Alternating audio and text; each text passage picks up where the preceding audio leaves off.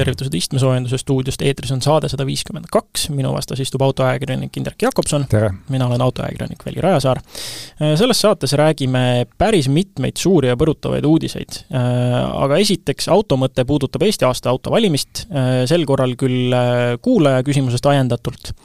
räägime veidikene kütusest, on rääkida üks huvitav ralli uudis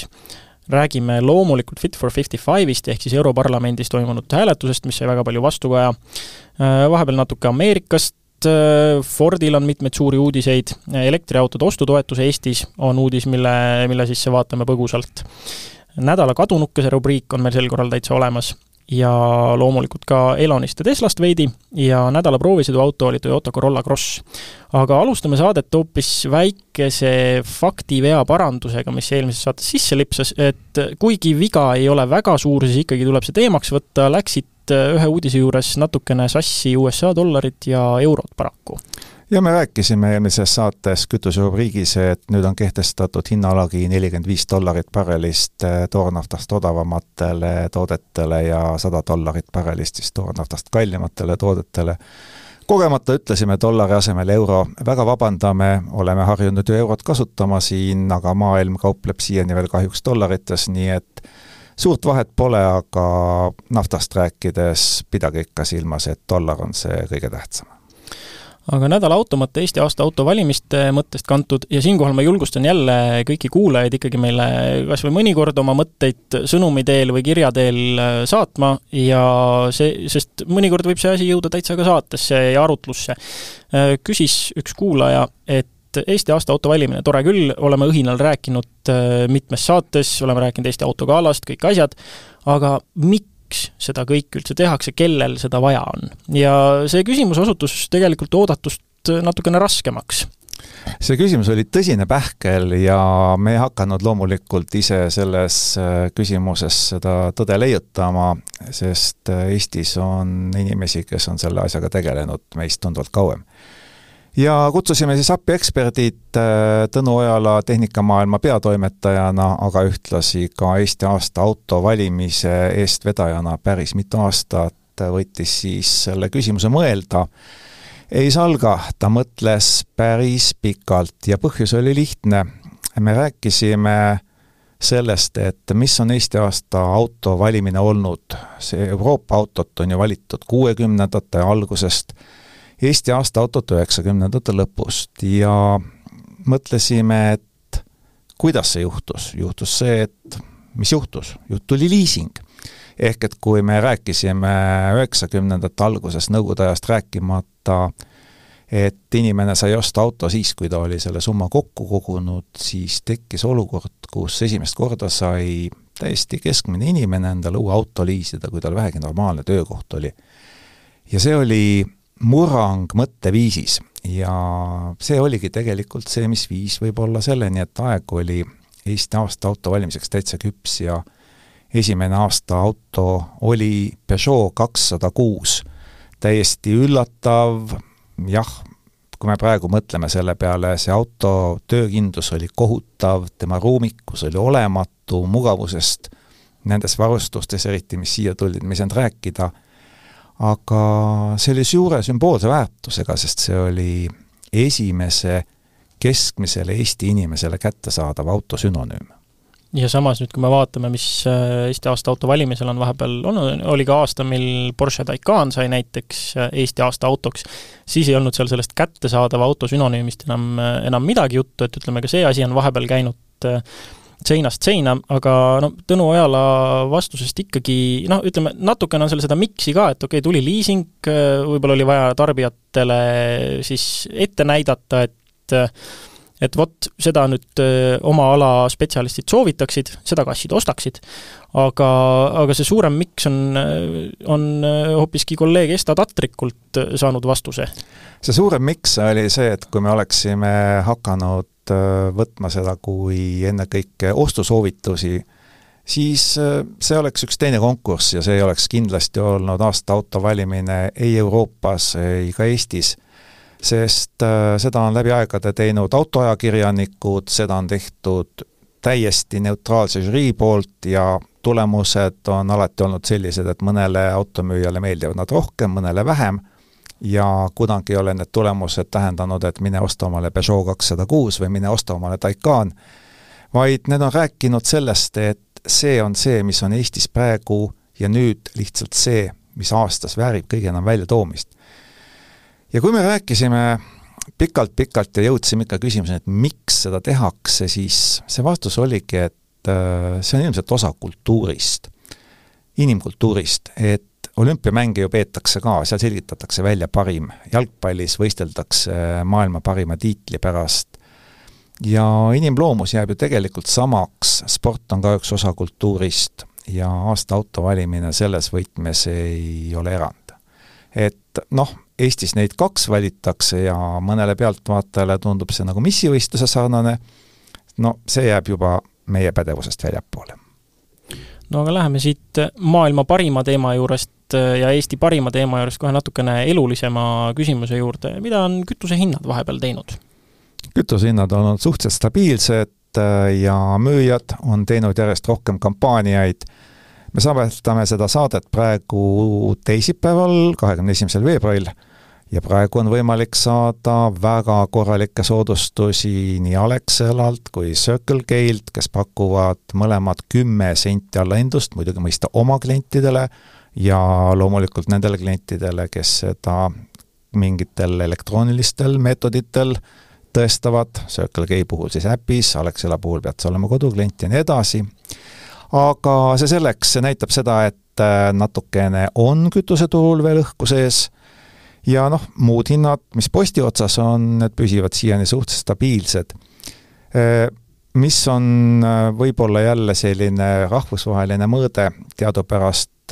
Venemaa ähvardas mõned nädalad tagasi oma tootmist kärpida, lubas seda kokku tõmmata lausa viissada tuhat barrelit päevas. see on umbes viis protsenti Venemaa naftatoodangust ja umbes pool protsenti üleilmsest äh, nõudlusest üldse, nii et tegelikult see pool protsenti maailma nafta hinda mitte kuhugi suunda ei kõigutanud,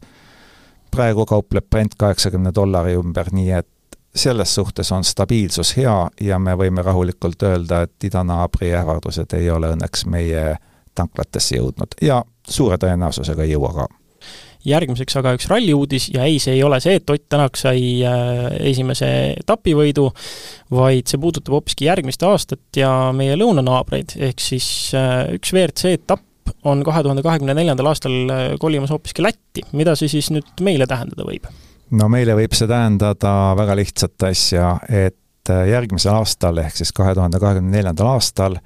Lõuna-Eesti ralli suure tõenäosusega toimub, toimub Rally Estonia, aga seal ei jagata punkte mitte enam maailmameistrivõistluste ehk siis harjumuspäraselt WRC punkte, vaid hoopis Euroopa meistrivõistluste punkte. Ja siis äh, on ka ootused, et võib-olla järgmisel aastal tuleb maailma WRC ralligraafikus Saudi Araabia, võib-olla Ameerika Ühendriigid, võib-olla Ühendkuningriik, need kõik kolm riiki on praegu otseselt läbirääkimistes Autospordiliiduga üleilmsega, aga loodame seda, et aastal kaks tuhat kakskümmend viis ja kaks tuhat kakskümmend kuus võiks siis maailmameistrivõistluste ehk siis WRC sari jälle Eestisse tagasi naasta. Ja niimoodi see ilmselt hakkabki käima, et äh, üks aasta on ühes riigis WRC etapp ja samal ajal siis naaberriigis ERC etapp ehk Euroopa meistrivõistluste etapp ja siis jälle vastupidi. Et äh, mida me teame, loomulikult selle aasta Rally Estonia aeg on paigas, Läti ralli ehk siis Euroopa meistrivõistluste aeg on ka paigas, see on kuueteistkümnendast kaheksateistkümnenda juunini, pärast muide Poola etappi ja enne Rootsi etappi, mis tähendab ju tegelikult seda, et rootslased võõrustavad lausa kahte rallietappi, nii Euroopa meistrivõistlusi talvel, vabandust, vastupidi, Euroopa meistrivõistlusi suvel ja WRC etappi talvel. No aga võtame kokku selle, mida me teame nüüd selle Läti ralli kohta täpsemalt, eelnevalt on see, on see kandnud nime Tetrali Liepaja, nüüd saab see nimeks Tetrali Latvia, Tet on selle suur toetaja, telekomi firma, ja Indrek on välja kirjutanud viis olulisemat fakti eelnevalt siis äh, ralli Liepaja nime kandnud ürituse kohta. kõigepealt seda, et see on üldse rallide kalendris alles kümnendat korda, kaks tuhat kolmteist aastal sõideti seda esimest korda ja sel ajal, kui ta ma pean silmas, kui ta oli ERC etapp ja võitis siis Jari Kedomaa, äh, Lindström oli kaardilugejaks ja see oli muide selles suhtes teistsugune aasta, et ralli lõppes Ventspilsis, Ventspils on teatavasti siis Liepajast natukene põhja pool asuv samamoodi Läänemere rannikulinn. kes ei tea, kus asub äh, Liepaja, Liepaja õigupoolest oleks õigem hääldada lätipäraselt, sest lätlased loevad seda viimast A-d pikaks see on üks kahest äh, Läti suuremast läänepoolsest linnast, mis siis asub läänerannikul ja Liepaja on üks nendest ja teine linn üldse peale Riia, kuhu on siis võimalik Lätist tulla kohale lennukiga, on võimalik loomulikult tulla mööda maismaad ja on võimalik tulla ka laevaga. ehk et kõik transpordiliigid sinna tulekuks on täiesti võimalikud ja huvitav on see, et selle endine linnavolikogu esimees äh, Uldis Sesks on olnud päris kõva rallisõitja no veel üks asi on see, et see Ralli Liepaja siis on äh, olnud osa Kurseme kiirusfestivalist, äh, mis muuhulgas siis sisaldab ka igasuguseid ägedaid mootorpaatide võidusõite, muid automotoüritusi. Et see on olnud selline, ütleme, suu-, suuremat sorti kiirusfestival. see oleks täitsa äge, kui Eestis ka samasugune asi oleks, et et hea küll, ERC etapp ja WRC etapp, no tasemevahe natukene on, sest ühes on Rally üks autod ja teises ei ole. aga lätlased on selles suhtes teinud ägeda asja, et nad on Kutsemesse toonud kokku kõik sellise moto, auto, veemoto asjad ühte nädalavahetusse. Nad on suutnud riigis kokku leppida, et see on nüüd see nädalavahetus, kõik võivad tulla võivad naaberriikidest tulla kõik ägedad, kõik, kellel natukenegi bensiini kuskil soontes on, tulge vaadake, no ja ralli on veel pealekauba, nagu kirss tordil, võiks öelda, et selles suhtes on eestlastel siit äh, üht-teist õppida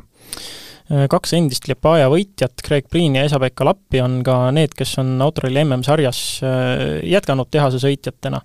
ja noorim võitja üritusel on Oliver Solberg, kes kahe tuhande üheksateistkümnendal aastal äh, sai esikoha seitsmeteist aasta vanusena. Aga läheme ralliteemade juurest kohe edasi vast et viimase nädala ühe põletavaima teema juurde. Ja selleks on loomulikult Fit for 55, Euroopa Parlamendi hääletus neljateistkümnendal veebruaril, sõbrapäeval. Äh, mis puudutab siis sisepõlemismootoriga uute autode müügikeeldu Euroopas kahe tuhande kolmekümne viiendast aastast, see on ilmselgelt kütnud väga palju kirgi, meedia on seda kasutanud äh, kenasti ka klikkide ja kommentaaride saamiseks, mida siis tegelikult kokku võtta või kokkuvõtvalt öelda võiks kogu selle paanika ja furoori kohta? no ausalt öelda oli see päris suur üllatus, et nii palju meediakajastust üks hääletus sai. me oleme ju oma saates rääkinud sellest pikalt, ja põhjalikult, et ega seal ju uudiseid nagu midagi ei olnud, aga tundub, et teema, teema on emotsionaalne ja sellel teemal on võimalik äh, päris palju nagu vahtu üles peksta, ilmselt rohkem kui tarvis. aga räägime asjast, kuidas siis, äh, mida nagu nende sõkalde, tera, sõkalde vahelt terad üles leida. kõigepealt äh, tegu on määrusega, see tähendab seda, et see on otsekohalduv dokument Äh, see jõustub, see tõlgitakse liikmesriikide keelde ja see on kohustuslik ja seal ei ole ühelgi liikmesriigil midagi kobisemist, kui see on ükskord vastu võetud. siis äh, selleks, et see saaks jõustuda, peavad selle heaks kiitma Euroopa Parlament ja Euroopa Nõukogu. üks kahest, ehk siis Euroopa Parlament tegi selle hääletuse ära. no ausalt öelda, eks need hääled olid ilmselt varem koos, sest ega teda muidu ei oleks äh, päevakorda tõenäoliselt pandud, sest äh, no sellega on varemgi ju jauramist olnud. No nimetame kah korra, palju hääli ka oli, et Euroopa Parlamendis kolmsada nelikümmend saadikut olid poolt, vastu oli kakssada seitsekümmend üheksa, erapooletuid oli kakskümmend üks, et äh, ei olnud nagu päris selline äh, ütleme, niisugune idanaabri stiilis hääletus, et äh, sada üks protsenti oli poolt. no samas ikka tuleb arvestada, et selleks, et see oleks hääletustulemus olnud teistmoodi, oleks pidanud äh, kuuskümmend häält teises suunas nihkuma ja seda on natukene liiga palju. aga muidugi siin tuleb arvestada ühe pisidetailiga, et Euroopa Parlamendi hääletusel erinevalt äh, Eestist on võimalik oma häält hiljem muuta, ühe ööpäeva jooksul sa võid noh, kui olid poolt, võid olla vastu, võid erapooletu olla ja kui juba rääkisime sellest, et äh, kuidas hääletati, siis ütleme ka, kuidas eestlased hääletasid. Eestil on ju teatavasti seitse saadikut ja selle eelnõu poolt hääletasid Andrus Ansip, Urmas Paet, Kaljurand ja Mikser. vastu olid loomulikult Riho Terras ja Madisson ja Yana Toom oli selline tore rahvasaadik, kes algul hääletas poolt, aga siis muutis oma hääle erapooletuks. Et äh, kaks saadikut, äh, kes olid varem muidugi olnud erapooletud, need hääletasid hiljem vastu, aga see enam suurt tulemust ei muutnud. aga see ei olnud tegelikult üldse võib-olla selle hääletuse kõige olulisem asi, vaid see, et äh, sinna viidi sisse üle poolesaja parandusettepaneku. noh, nende läbilugemine on ma arvan, et keegi ei viitsi seda teha, et võtame võib-olla nendest kõige olulisemad siin kokku. et hästi põhjalikult käsitleti nüüd alternatiivkütuseid. teadupärast ju Eesti oli üks nendest riikidest, kes poolteist aastat tagasi ütles, et me tahaksime biogaasile saada erandit ja praeguses äh, sõnastuses on see selline, et äh, kui tegemist on täiesti keskkonnasäästliku kütusega, näiteks biogaas, mille emissioon on null, siis selle kasutamine sisepõlemismootoris on täiesti koššer. ehk me ausalt öelda ju ei lootnud, et see erand äh, läbi läheb, aga läks. ja teine asi, võib-olla isegi olulisem, mis nüüd nagu kõigi petrolheadide südame kiiremini põksuma paneb, on see, et Ferrari erand läks sisse.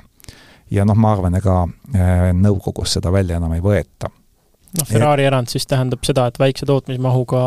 autotootjad, väike tootmismaht on siis tuhat kuni kümme tuhat autot või tuhat kuni kakskümmend kaks tuhat kaubikut, eh, nemad saavad siis, eh, nemad võivad edasi toota sisepõlemismootoriga autosid kuni mm. kolmekümne viiendani? jah, see tähendab, eh, kolmekümne viiendani võivad nad toota neid täpselt nii, nagu nad tahavad, sest on ju ette nähtud, et kolmekümnendaks aastaks tuleb vähendada oma süsinikuheidet poole võrra seda nad tegema ei pea, nad võivad toota kuni kolmekümne viienda aastani täpselt selliseid autosid, nagu neile meeldib, no süsinikutrahv tuleb muidugi ära maksta, sellest ei pääse keegi. ja mis on selle kõige suurem oluline moment, et pärast kolmekümne viiendat aastat kõik need, kes toodavad alla ühe tuhande auto, nendele jääb see kehtima ka hiljem, mis tähendab seda, et pärast kolmekümne viiendat aastat võivad sellised autotootjad müüa Euroopas uusi sisepõlemismootoriga sõiduautosid. Taustainfoks, eelmine aasta Ferrari tootis pisut rohkem kui kolmteist tuhat autot, nii et Ferrari ise tegelikult selle erandi alla pärast kolmekümne viiendat aastat ei mahu. aga noh, mis firma sul nagu silme ette tuleks praegu?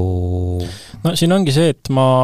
ma kardan, et see tähendab seda, et sellised tootjad nagu a la Koenigsegg ja no ütleme, überrikaste firmad sulle tuli ka Koenigsegg esimesena. jah, et sellised tootjad äh, loomulikult jätkavad ja tõenäoliselt jätkavad innova-, innovatsiooni sisepõlemismootorite autode teemal, aga see on ikkagi überrikaste teema. ma väga loodan, et et äh, mõni väiketootja stiilis, mõni Lootuse spin-off või Caterham või mingisugused sellised tootjad ikkagi teevad ka selliseid entusiastiautosid edasi, mis võivad ka minu ja sinusugustele veel taskukohased olla. aga no seda näitab aeg, see on hetkel ainult suur lootus. jah, überrikastele, see oli väga õigesti öeldud, sest lihtsalt rikastele autosid tootev Rolls-Royce sinna alla kaugeltki ei mahu, sest Rolls-Royce tootis eelmisel aastal mitu korda rohkem et see, see näitab seda, kui väike see number tegelikult on. Ja no võib-olla hakkab ka mingi skeemitamine tõepoolest spin-off idega, et sellest äh, erandist kuidagi kasu lõigata, aga noh, ma arvan, et eks need uksed pannakse ilmselt ettenägelikult kinni. või siis ei panda, eks paistab. jah, just, et äh, väiketootjad, kelle tootmise arv aastas üheksasada üheksakümmend üheksa autot, ma arvan, et see saab paljudele sihiks olema, kes sihivad entusiastiautode turgu.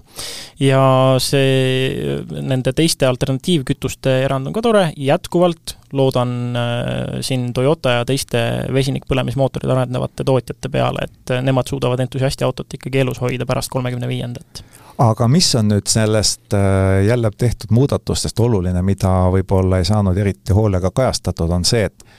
nüüd hakatakse jälgima auto kogu kulu, süsinikukulu selles mõttes, et hakatakse jälgima auto tegelikku CO2 heidet ja võrreldakse seda sellega, mida siis siiamaani on deklareeritud kes äh, esimesena sellega pihta saavad, on loomulikult pistikhübriidid, sest me ju teame, et nende poolt deklareeritud numbrid on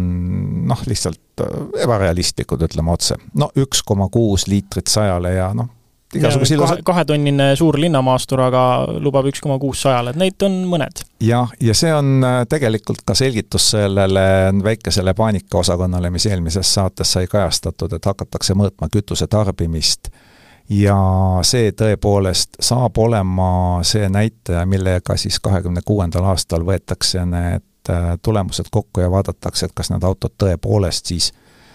siis nii vähe seda kütust tegelikult tarbivad ja CO2 emiteerivad või mitte. ja mis on võib-olla viimane kõige olulisem muudatus jälle, mis sisse viidi, on, et arvutatakse mitte ainult tegeliku kütuse kulu, vaid mõõdetakse süsinikuheidet kogu kasutusperioodi ehk olelusringi jooksul.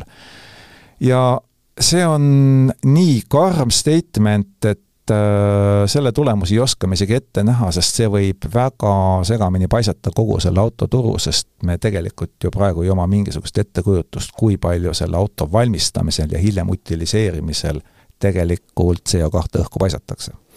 Aga mis on vast oluline punkt äh, praegustele autoomanikele, on ikkagi see, et kui sul on sisepõlemismootoriga auto, siis ähm, sellega võib ka pärast kahekümne, kahe tuhande kolmekümne viiendat aastat kenasti edasi sõita, seda ei keelata, kuigi selge on see, et äh, ilmselgelt selleks hetkeks hakkab kütuste hind ikkagi üles minema, ütleme see, see hakkab rahakotti pitsitama tõenäoliselt ja eks ole näha, mis maksud siis selle, selle jaoks jõustatakse. no nendest maksudest me oleme juba rääkinud ja need üsna suure tõenäosusega nii ka lähevad, et kuna teadupärast äh, vedelkütustele lisatakse CO2 komponent juurde, nii nagu praegu maksavad Narva jaamad oma õhku paisatava CO2 eest, et Äh, see saab äh, bensiinijaamas meil kahtlemata kütuse hinnale juurde tulema, aga see on juba ette teada, nii et see on paratamatus. no kõige selle peale väärib äramärkimist äh, ka see, mida tegid kokku kolmkümmend suurettevõtet, kes koonduvad sellise nime alla nagu Greening Corporate Fleets Initiative, mille võiks siis eesti keele, keelde panna kui keskkonnahoidlike või keskkonda säästvate äh, ettevõtete autoparkide initsiatiiv või algatus, selline lohisev, jääme selle Greening Corporate Fleets Initiative'i juurde. ütleme lihtsalt, kolmkümmend tähtsat suurt Euroopa ettevõtet saatsid Euroopa Komisjonile kirja, avaliku kirja, ühise pöördumise kirja sisu on põhimõtteliselt see, et äh, Euroopa Komisjon, mis te nii leebed olete? sa, läheme ajame selle asja natukene veel karmimaks ja neil on omad ettepanekud selle jaoks esimene ettepanek on see, et aastast kaks tuhat kolmkümmend, mitte kolmkümmend viis, peaksid kõik uued ettevõtete sõiduautod ja kaubikud olema saastevabad. ma ootan põnevusega eh, kuulaja kirja või ka telefonikõnet, kui seda kuulab näiteks meie kaasautor Uku Tampere, milline on tema seisukoht sellest, et ainult elektriautoga saab juba kõiki veoseid vedada alates aastast kaks tuhat kolmkümmend, et see on tõsine ettepanek. soovitan kuulajatel minna ja otsida üles Uku kaks lugu, mis ta tegi elektrikaubiku teste, ühe tegi ära, oli väga pettunud, siis ikkagi aastake või kaks hiljem mõtles, et ma proovin uuesti, äkki on asi kuidagi parem, no ega ikka ei olnud. Need selliseks kasutuseks äh, need tarbesõidukid veel valmis ei ole. ja noh, sellist arenguhüpet oodata siin muidugi järgmise seitsme aasta jooksul või vähema, mm, võib-olla natukene ennatlik. aga see ei olnud ainuke kirja, äh, kirja sisu. järgmine ettepanek on, et äh, ka raskeveokid peaksid olema nullheitega, aga seda aastaks kaks tuhat kolmkümmend viis, et annavad viis, viis aastat pikendust, et seda tehnoloogiat arendada. no see on minu meelest veel karmim, et kui me nüüd mõtleme, mis raskeveokite turul tegelikkuses toimub, me räägime elektrilistest raskeveokitest. et äh, Tesla tõi välja oma semi, väga tore, aga mitu ta neid toota on suutnud siiani? Mm, no ei, ei, no mitte just väga palju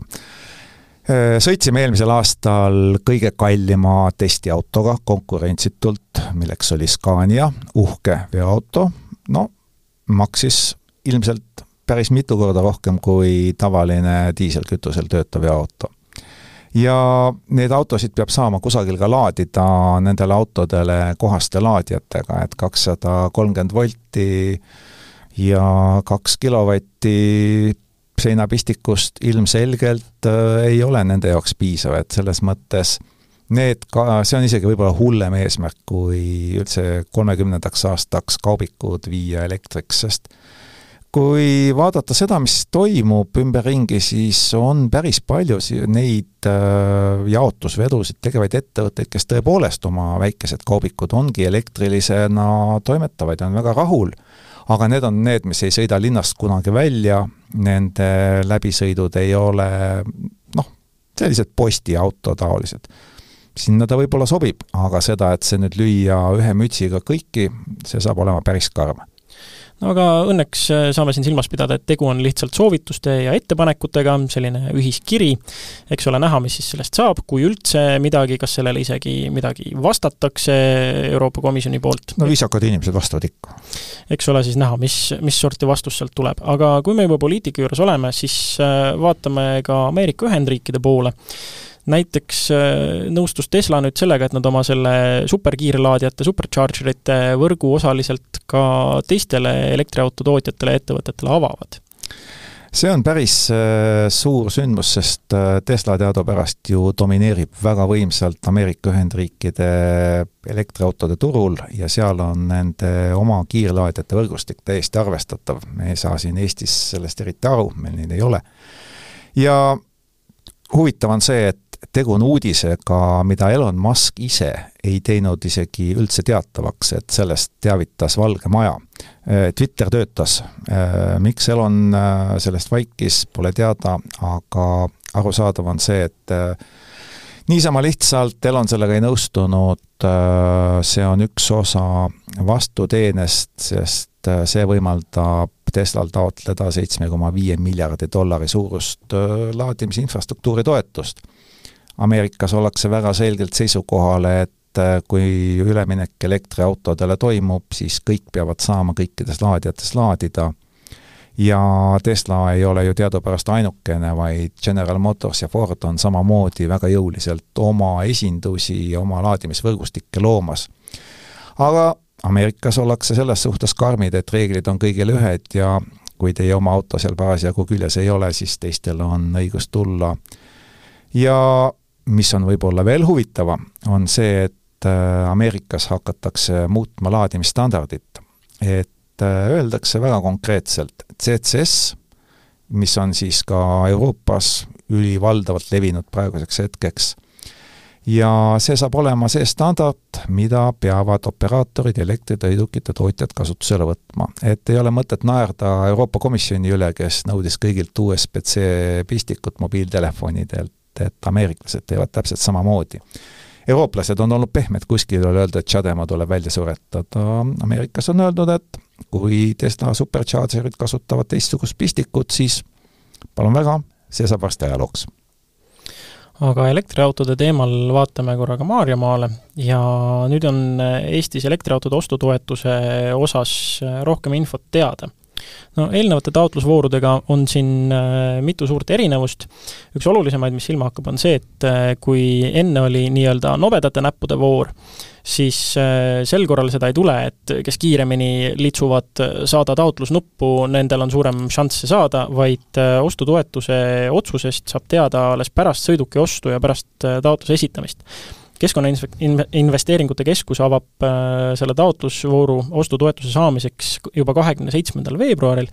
ja see on siis nullheitmega sõidukitele ja mitte ainult autodele, ehk siis, ja ei ole ka ainult elektriautod, vaid ka vesinikuautod, ja lisaks ka elektrilised kastirattad. mis on äh, ilmselt olnud kogu selle toetusmeetme kõige suurem ütleme siis furoori tekitanud asi vähemalt äh, teatud ringkondades on see mõistlik, on see mittemõistlik, äh, eks selle üle on meil raske praegu otsustada, aga kui rahast rääkida, siis äh, nüüd on tehtud ka selgus äh, selles osas, et maksud on arvesse võetud. ehk juriidiline isik saab toetust taotleda kuni neli tuhat eurot, füüsiline isik, eraisik viis tuhat eurot. miks on vahe sees? sellepärast, et eraisik maksab selle pealt kohe kakskümmend protsenti ehk tuhat eurot tulumaksu ära ja kastiratastel on toetus äh, kuni viiskümmend protsenti ostuhinnast, ehk siis poole maksad ikka ise või rohkem, aga mitte rohkem kui tuhat eurot siis äh, äriühingutele ja tuhat kakssada viiskümmend eurot eraisikule, maksud maha tuhat eurot. ja KIK peab ise kohe selle tulumaksu kinni ka, nii et ei pea selle pärast väga muretsema, et kuidas ma seda asja deklareerima hakkan ja kui rääkida juba rahast edasi, siis äh, ka ostetaval autol on hinnapiir, sõiduauto hind võib olla kuni kuuskümmend tuhat eurot ja kaubiku hind kuni kaheksakümmend tuhat eurot, vesinikuautodel hinnapiiri pole asi, millest KIK on väga vaikselt üle libisenud, on see, et need summad on käibemaksuta summad ehk ilma käibemaksuta summad. Pange sinna käibemaks juurde ja te saate juba päris korraliku auto, et selle üle nagu väga viriseda ei saa toetust saab taotleda kahe kuu jooksul pärast soetamist ja registreerimist. ja see ei tohi olnud juhtunud siis enne meetme määruse jõustumist, mis oli kuuendal veebruaril käesoleval aastal ja see sõiduk peab olema kasutuses vähemalt neli aastat ja liikuma peamiselt Eestis. ja selle auto laadimiseks tuleb kasutada taastuvenergiat, mis on jälle selline nõue, et see, selle kontrollimisega saab olema, või hakkab seal jokitamine, eks seda ole näha? eks seda ole näha, sellepärast et taastuvenergiat on ju kästud kasutada elektriautode taotluse, vabandust, toetuste maksmisel juba kümme aastat tagasi. ja kastiratastega on palju huvitavam, et noh, seal on tehnilised tingimused, kast peab vähemalt nelikümmend kilo välja kannatama, siis võib panna asju või inimesi vastavalt maitsele. Äh,, aga mis on kõige huvitavam, kastiratas peab olema varustatud läbisõidumõõdikuga ehk äh, hodomeetriga ja see on juba päris huvitav, et noh jah, kõikidel jalgratastel, kes vähegi asjalikumad spordirattad on, on ju spidomeeter kõikvõimalike funktsioonidega peal, kas neid hakatakse selliselt samamoodi lenksu külge panema, vot seda ei oska praegu öelda. veel natuke numbreid, kelle, kui palju ja mis, mis hulgas toetatakse, ettevõtja puhul äh, toetatakse maksimaalselt ühe taotleja kohta viieteist auto ja viieteist kastiga ratta ostmist. Selleks, äh, et toetuse jaoks kvalifitseeruda, tuleb äh, see auto osta kas Transpordiameti või Amteli poolt tunnustatud automüüjalt või siis on see ostetud Euroopa Majanduspiirkonna riigist või Šveitsist sõidukite valmistajalt või selle ametlikult esindajalt või valmistaja või ametliku esindaja poolt tunnustatud edasimüüjalt. Äh, rataste osas nii nõudlikud ei olda, see peab tulema rataste müügiga tegelevalt ettevõtjalt ja kui kolm või rohkem autot juba tahetakse osta, siis tuleb ettevõtjatel tõestada ka oma majanduslikku suutlikkust, et see juba meenutab natuke PRIA põllumajandustoetusi, aga samas ka väga mõistlik, et äh, kes selle pankrotivarast ikka hiljem neid autosid välja osta tahab toetuste kogumaht on kaheksa koma viis miljonit eurot kõigi nimetatud sõidukite peale ja see omakorda jaguneb siis nii, et äh, füüsilised isikud saavad autode ja juriidilised isikud saavad autode ostmiseks mõlemale poole siis kolm koma kaheksasada seitsekümmend viis miljonit eurot ja kastiga rataste puhul siis äh, mõlemale poolele kolmsada seitsekümmend viis tuhat eurot, et füüsilised isikud ja juriidilised isikud. ja nagu juba mainitud, siis kahekümne seitsmendast veebruarist saab neid taotluseid äh, täitma ja esitama hakata ja Keskkonnainvesteeringute Keskus võtab maksimaalselt seitsekümmend päeva, et need taotlused siis läbi vaadata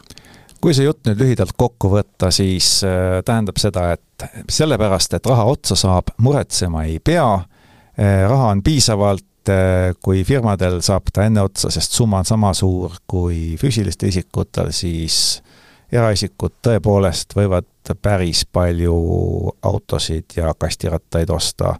ja ilmselt veel üsna kaua nendest vahenditest. Aga Saksamaal näiteks hoopis vähendatakse elektriautode toetusi? jah, et äh, kõik riigid on, ei ole sugugi samas stiilis nagu Eesti, et äh, lähevad nüüd toetamise teed, eks Saksamaal on need toetused ammu olnud ja seal on olnud need toetused äh, samamoodi erinevalt nii eraisikutele kui firmadele ja tasapisi siis sakslased võtavad föderaaltoetusi kokku, et äh, nendel muidugi sõltub toetus otseselt sellest, kui palju auto maksab, et kui auto hind näiteks oli nelikümmend kuni nelikümmend viis tuhat eurot, siis eelmisel aastal said sa toetust viis tuhat eurot, sel aastal kolm ja kahekümne neljandal kolm ja edasi ilmselt mitte midagi. või kallimatel kui nelikümmend viis kuni kuuskümmend viis tuhat, siis nemad said ka eelmisel aastal viis, sel aastal kolm ja järgmisel aastal juba null. Et see on föderaalne toetus, ehk siis kogu riigi toetused, tootjapoolsed toetused võivad seal veel juurde olla.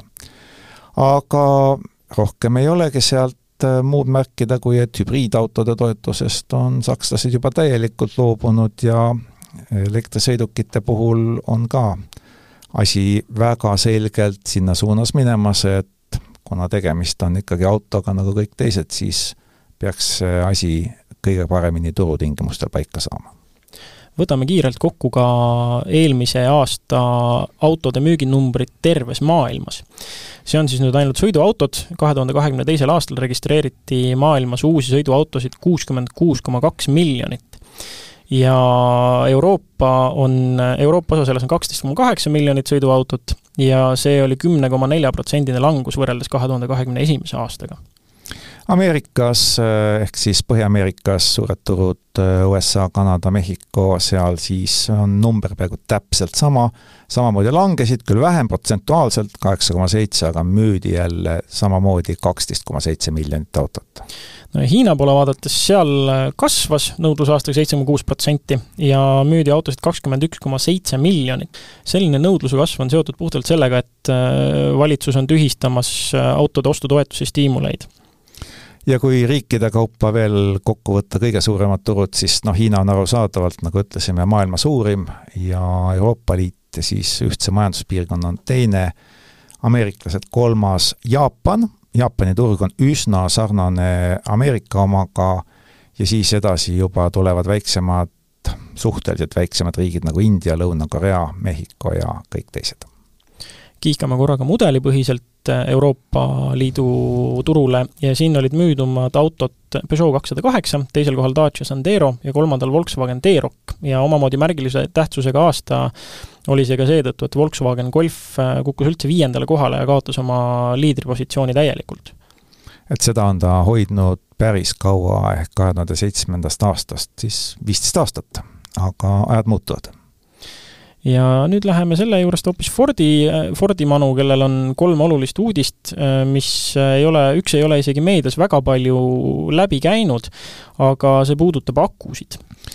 et äh, kõigepealt on Ford ju rääkinud juba pikemat aega, et tal on suur-suur akude, oma kõrgepingeakude auto jaoks tootmisprogramm ja selle partneriks on CATL, Hiina kõige suurem akutootja ja Ford ehitab Michigani osariiki võimsa tehase. noh, arusaadavalt, et kui väga suured rahad on mängus, siis on neid, kes äh, saab, saavad selle kallal vinguda ja äh, vabariiklased kaebasid täiesti vaba, äh, täiesti riigi tasandil, et Ford teeb hiinlastega koostööd hiinlased teadsid selle peale muidugi vastu, et nad vaatavad ka diili üle, et kas nad üldse lubavad seda uut tehnoloogiat kasutada, mida Ford nüüd seal lubab, või nad lubavad ainult akusid toota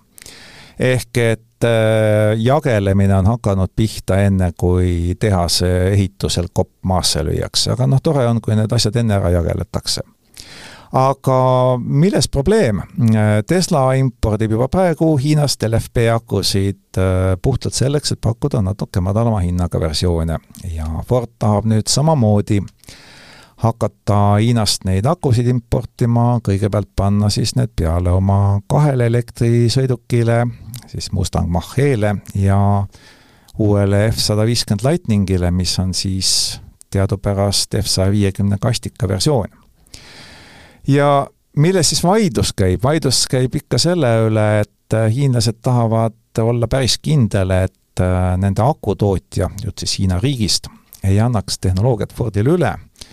ja kardetakse väga selgelt, et äh, kui Ford saab selle tehnoloogia kätte, siis ta ei võida konkurentsieelist mitte ainult Ameerika turul, vaid tegelikult ka üle maailma. noh, tegelikult on see muidugi suhteliselt tõenäoline, et asjad jäävad ikkagi nii, nagu on, et eks kaebamised käivad asja juurde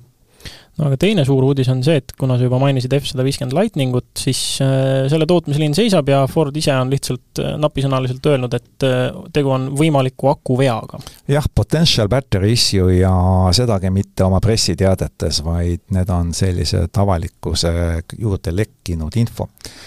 no edasi, mis seal siis tegelikult toimus, neljandal veebruaril oli äh,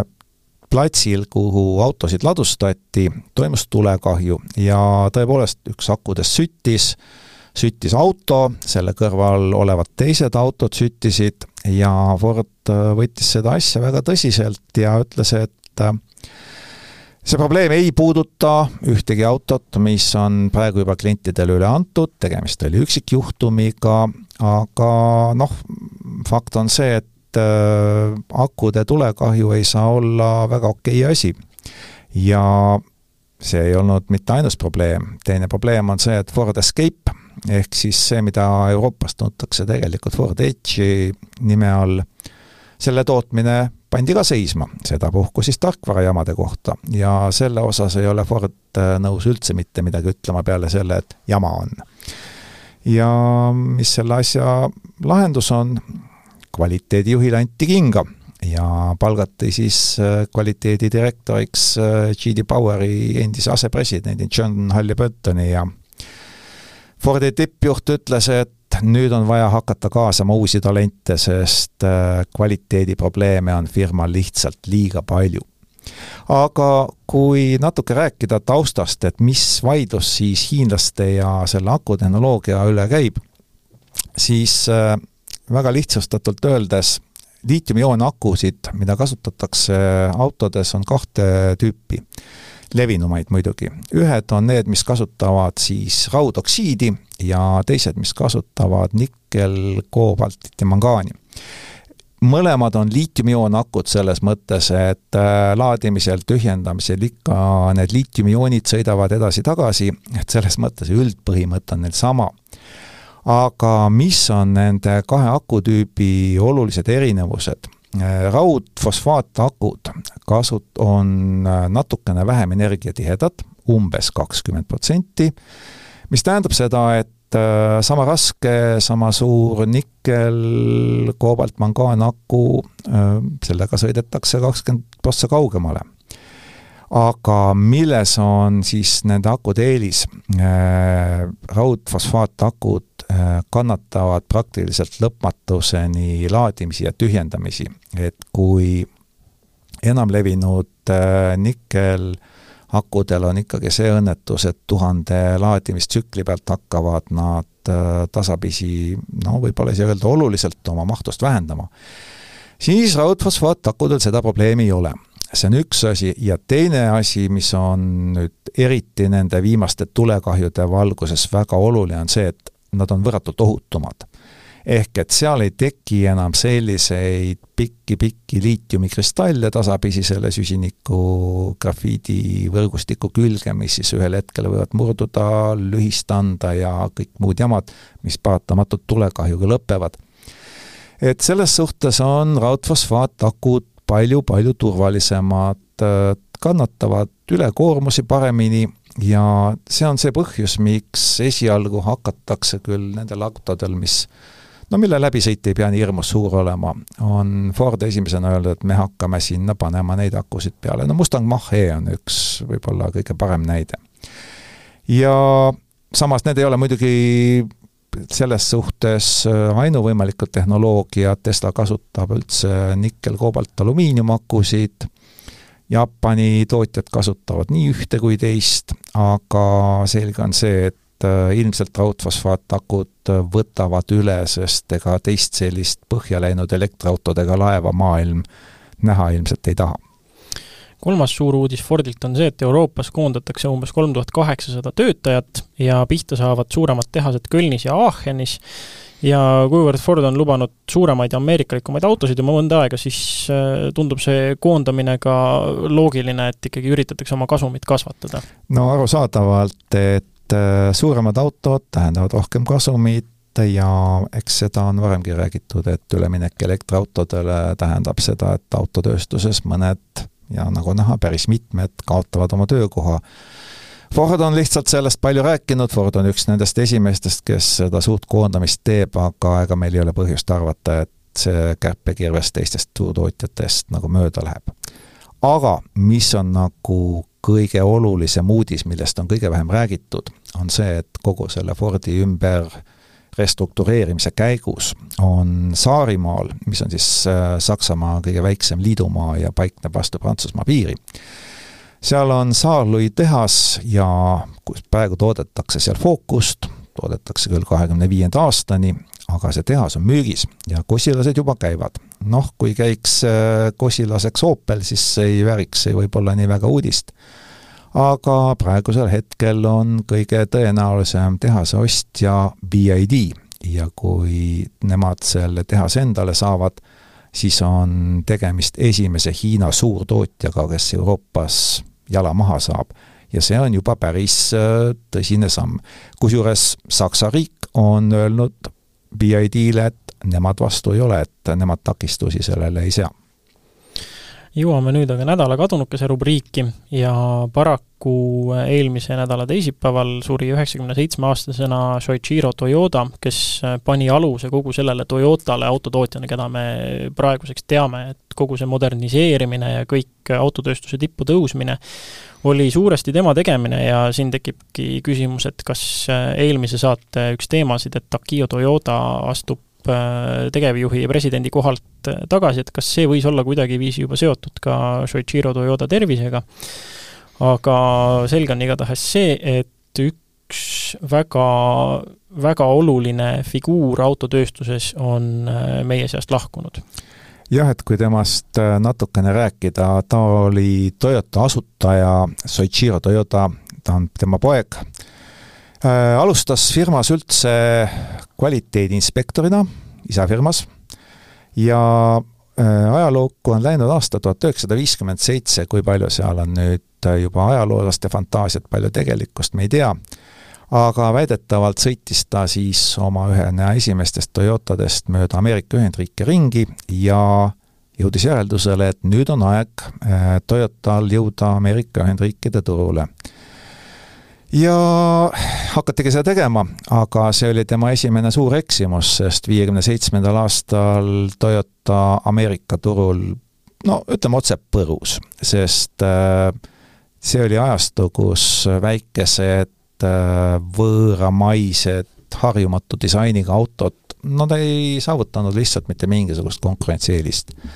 aga läks mööda kuusteist aastat, äh, tuli naftakriis ja bensiinihinnad Ameerikas hakkasid tõusma ja siis oli tal, siis oli temal õigus ja siis oli tema see mees, kes äh, Toyota tegelikult kõige rohkem ka Ameerika Ühendriikidesse viis. ja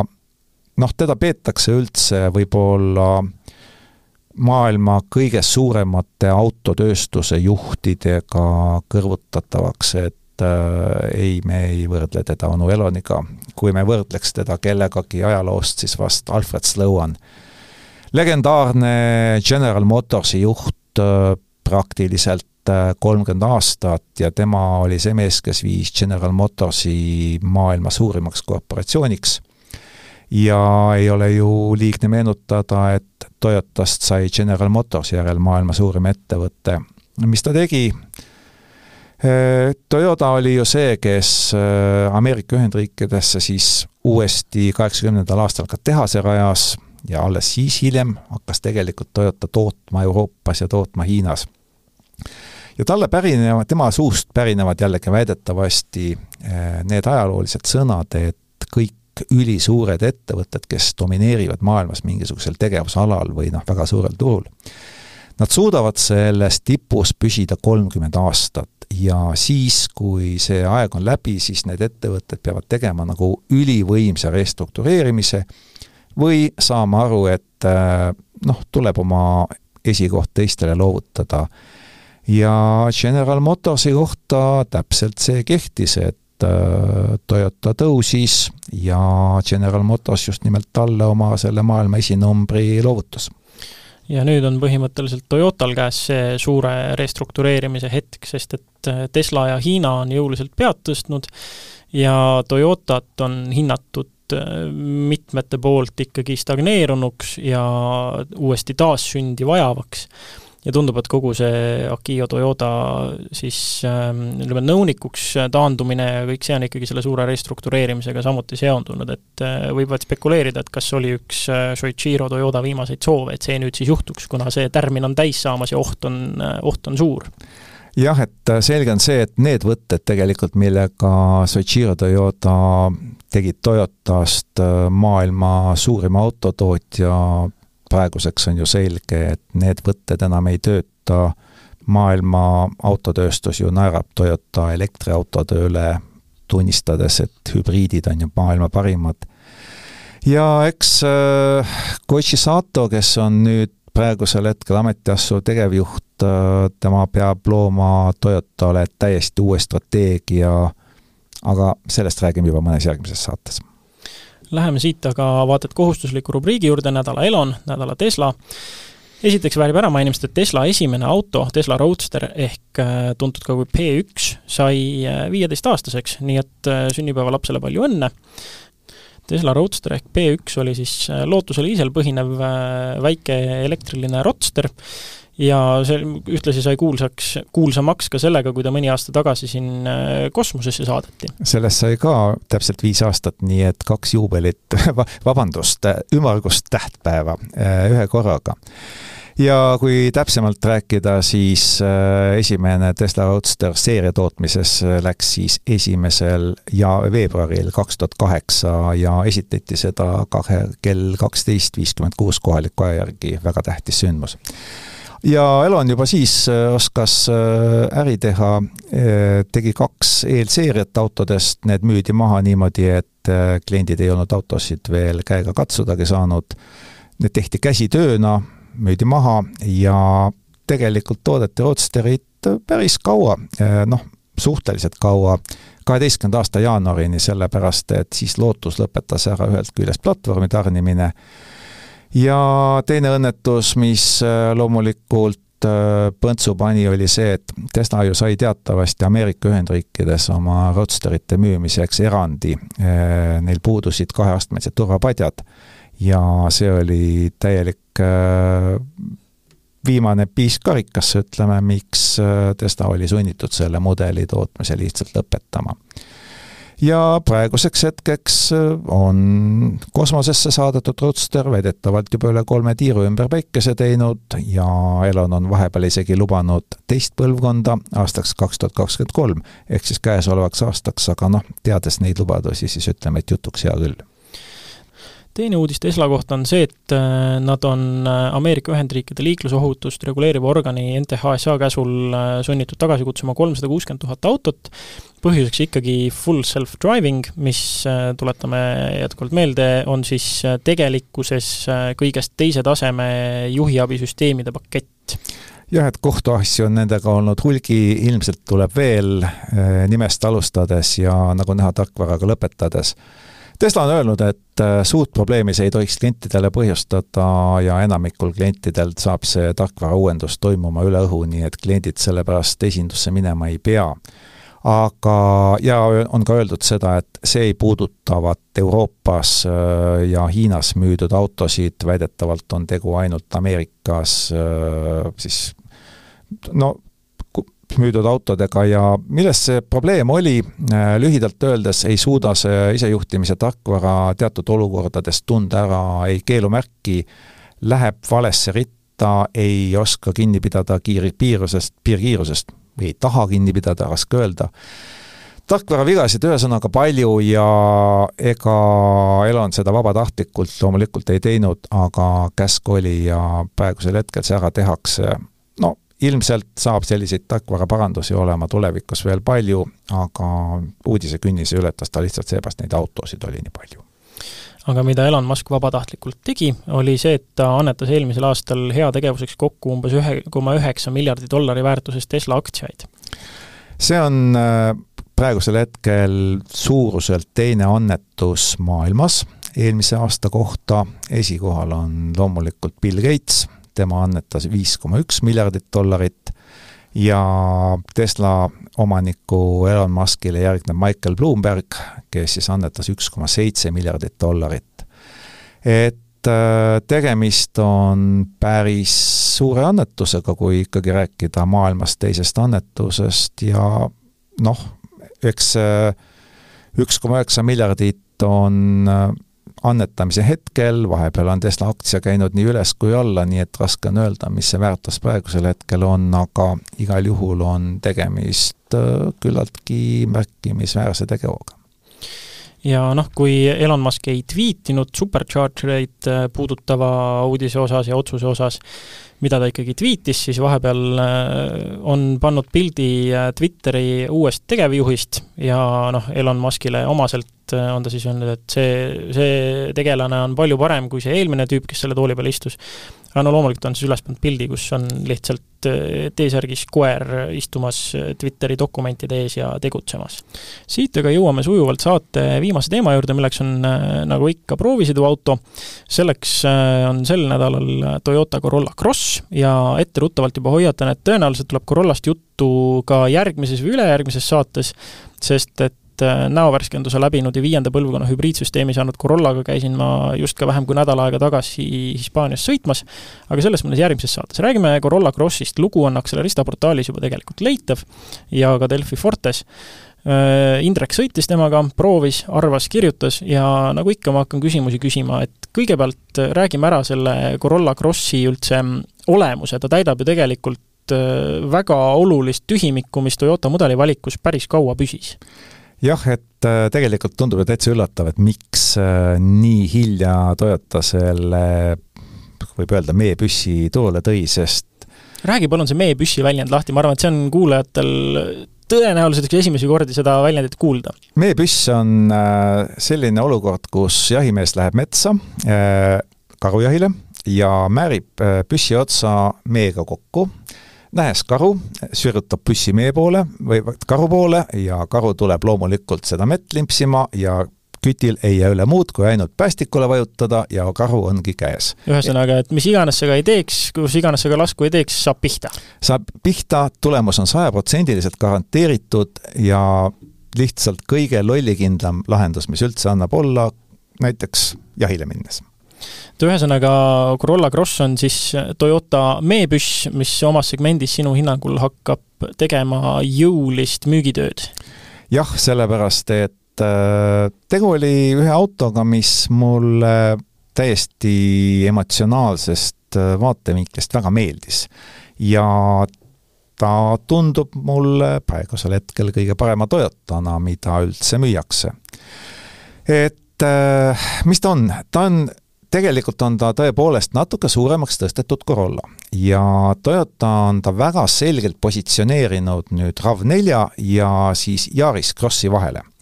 et äh, Yaris Crossiga sõitsime pisut rohkem kui aasta tagasi ja no see auto sai päris palju kriitikat, äh, kuna noh, ühest küljest masinaklass äh, ei võimalda väga palju erilist Äh, ta püüdis olla rohkemat, kui ta on. ja teisest otsast äh, RAV4, mis on ju meil enim müüdud auto, on lihtsalt nii suureks eest ära kasvanud, et äh, tegelikult ei ole väga paljudel inimestel vajadust nii suure auto järele ja Corolla Cross on see täpselt õiget mõõtu auto, mis siis paigutub nende kahe vahele, sellesse no, kõige Corolla, magusamasse segmenti. see on Corolla platvorm, Corolla tehnika, aga teda saab ka nelikveolisena soovi korral, on ju. mis ta mootori valik on? tema mootori valik on äh, kaheliitrine täishübriid. see on, äh, sa võid valida kaheliitrise täishübriidi ja siis kaheliitrise täishübriidi. ehk su valikus on täpselt üks mootor. Toyota on lubanud, et äh, kaheliitrise mootori kõrvale hakkab tulevikus saama ka ühe koma kaheksa liitrist, aga sinna on ilmselt veel aega ja käigukast, kas samamoodi ainult üks CVT? ja loomulikult ainult üks käigukast, CVT, ja see on see koht, mille üle sai testisõidu käigus küll natukene virisetud, sest äh, kui me kummipaela efektist räägime, siis seal avaldub see kõige klassikalisemal kujul. aga kütusekulu? super. et äh, seal on äh, peal nüüd Toyota see kõige uuem, viienda põlvkonna hübriidsüsteem ja ma võin täiesti kindlalt äh, väita, et tegemist on maailma parima hübriidsüsteemiga praegusel hetkel see auto on tõeliselt ökonoomne, äh, sõit käis ju talvel, temperatuurid kõikusid nulli ümber, pigem natuke alla kui natuke üle ja me saime keskmiseks äh, tulemuseks viis koma seitse ja seda olukorras, kus oli ka üsna palju maanteesõitu. linnas õnnestus mul selle autoga näha ka numbreid, mis algasid neljaga. Ehk et äh, hübriidauto kütusekulu hästi palju muidugi sõltub sellest, kui pikad on otsad, et kui palju kulub alguses energiat auto soojendamiseks. aga kui auto on soe, siis äh, tegemist on noh, või ütleme siis, ilmastikutingimused on paremad, siis tegu on ikka hästi ökonoomse autoga. no aga rääkides neljaga algavatest numbritest, kuidas hind on, kas hind algab ka neljaga juba? hind ei alga neljaga, hind lõpeb neljaga. et äh, mis on hästi üllatav, Toyota Corolla Crossi hinnavahemik Eestis on kolmkümmend kolm viissada kuni nelikümmend üks tuhat viissada eurot ja näiteks RAV4, mis on ju tunduvalt suurem auto, selle hinnad algavad kolmekümne ühest äh, tuhandest seitsmesajast eurost, ehk siis praktiliselt kaks tuhat eurot madalamalt. aga siin tuleb silmas pidada, et RAV4 hinnad algavad kõige tavalisema bensiinimootoriga auto puhul hübriidil hakkavad nad kolmkümmend seitse kolmsaja viiekümnest ehk siis juba neli tuhat eurot kallimalt, et noh, tegelikult asjad lähevad sellega paika lihtsalt. ja RAV4 hinna saab ju ajada ka niimoodi, et see algab viiega. jah, et äh, Corolla Crossil ongi tehtud selline otsus, et üks mootor, üks käigukast ja see hoiab ka selle variatsioonide hulga suhteliselt väikese, aga ilmselt võimaldab ka säästlikumalt toota ja müüa ja sinul oli proovida, kas oli esiveoline või nelikveoline versioon? minul oli proovida kahjuks esiveoline versioon, aga noh, sai hakkama, ütleme nii. ja variatsioonidest rääkides, palju varustustasemeid talle pakutakse? talle pakutakse neli varustustaset, mis on hästi klassikalised, aga nelikvedu saab siis juurde ainult, ainult kahel kõige vingemal varustustasemel, et selles suhtes äh, kõige madalamat varustustaset ja sinna nelikvedu juurde paraku ei saa. et noh, nelikvedu ongi ikkagi selles autoklassis noh, pigem äh, veidikene nõudlikumale kliendile tulev lisa, et noh, kui me räägime kaks korda kallimatest autodest, siis see tundub elementaarne, aga seal on ta pigem selline meeldiv erand ja kui võtta nüüd ette üks väga palju teemaks olev asi proovisõiduautode juures alati meil saates, kuidas on digitaliseerimise versus nupundusega, kuidas see kasutaja mugavus on? kasutaja mugavusega on täpselt kahetiselt, et äh, nuppe on palju, füüsilisi nuppe on hästi palju säilinud ja need toimetavad kenasti, aga nendel on üks nüanss, nad on paganama väikesed. Või ütleme siis harjumatult väikesed. Et äh, ma kirjutasin sellest ka, et kui teil on selle autoga tutvumiseks vähe aega ja te saate võib-olla tunniks või paariks omal selle esindusest välja rääkida, ja siis lähete linnas, maanteel, proovite ühte-teist funktsiooni rooli pealt, armatuurlaualt muuta, siis tundub kuidagi noh, ebamugav, sest nupud on väiksed, aga sellega on võimalik harjuda. et mina sain vist kahe-kolme päevaga täitsa koduseks, et need olid need asjad, mis tegelikult häirima ei hakanud. aga Mm, kui minu käest äh, pinginaaber küsis, et kuule, kas seda autot võiks endale osta, siis ma ütlesin, et äh, kui sa oled nõus leppima sellega, mis tal on kaks põhipuudust, üks on tagaiste, mis ei ole väga ruumikas, ütleme otse, seal on oluliselt vähem ruumi kui RAV4-s, aga kui sa taksot ei kavatse sõita, siis see tegelikult ei ole probleem. Ja tal on mitu sellist omapärast kiiksu, millest ma nagu ei olegi täpselt aru saanud, et äh, kas need on nüüd selle Corolla Crossi eripärad, kas need äh, tulevad Toyota teistel mudelitel, no selline näide, äh, auto hold funktsioon, mis on ju linnas ülioluline, et sa ei hakkaks kuskilt veerema. selle saad sa sisse lülitada iga kord, kui auto sõitma hakkab, ei ole nii, et ühe korra panid ja siis ta ongi sul sees. Ja sa saad ta sisse lülitada alles siis, kui turvavöö on kinnitatud. et äh, no, a bit overkill ja, ja samas näiteks äh, roolisoojenduse ja istmesoojenduse lülitad sisse ja need kütavad senikaua, kuni see nupp on sisse lülitatud. sõidad ära, järgmine hommik tuled, paned käima ja nad jälle töötavad. huvitavad otsused. huvitavad otsused, äh, ma ei ütle, et need on puudused, ma ütleksin, et need on veidrused. ja nende veidrustega on täpselt nii, et kui sa suhtud neisse ükskõikselt või sa suudad nendega leppida, siis on väga okei okay noh, kui sa ei suuda, noh, siis pead turult midagi muud vaatama. nojah, see on jälle kätte harjutamise asi tõenäoliselt ka, aga noh, nüüd me oleme rääkinud ära, kuidas on kõik, äh, istud autosse sisse, ütleme, leiad need nupud ära, äh, kuidas siis on, kui sa temaga sõitma hakkad? Äh, sisemüra, mugavus, enesekindlus sõites, kõik igasugused sõiduomadused, mis mulje ta jättis sulle? no kui me räägime sõidumugavusest, jah, seal midagi erilist äh, häirivat peale selle kummipaela efekti ei olnud, sisemüra osas noh, ütleme, et ta ei ole just kõige vaiksem auto, aga hinnaklassi arvestades täiesti okei okay,, eks ole, te saate selle, mille eest te maksate. RAV4 on kindlasti vaiksem. Mis puudutab juhitavust, täiesti keskpärane, ta ongi ehitatud selliseks, et ta ei teeks sulle mingisuguseid erilisi noh, Gear Yaris on üks teine auto ja nende autode rollid ongi erinevad. et sealt midagi erilist oodata ei maksa, aga selles suhtes, et temaga igapäevaselt kulgeda, on ta hästi mõnus ja mugav.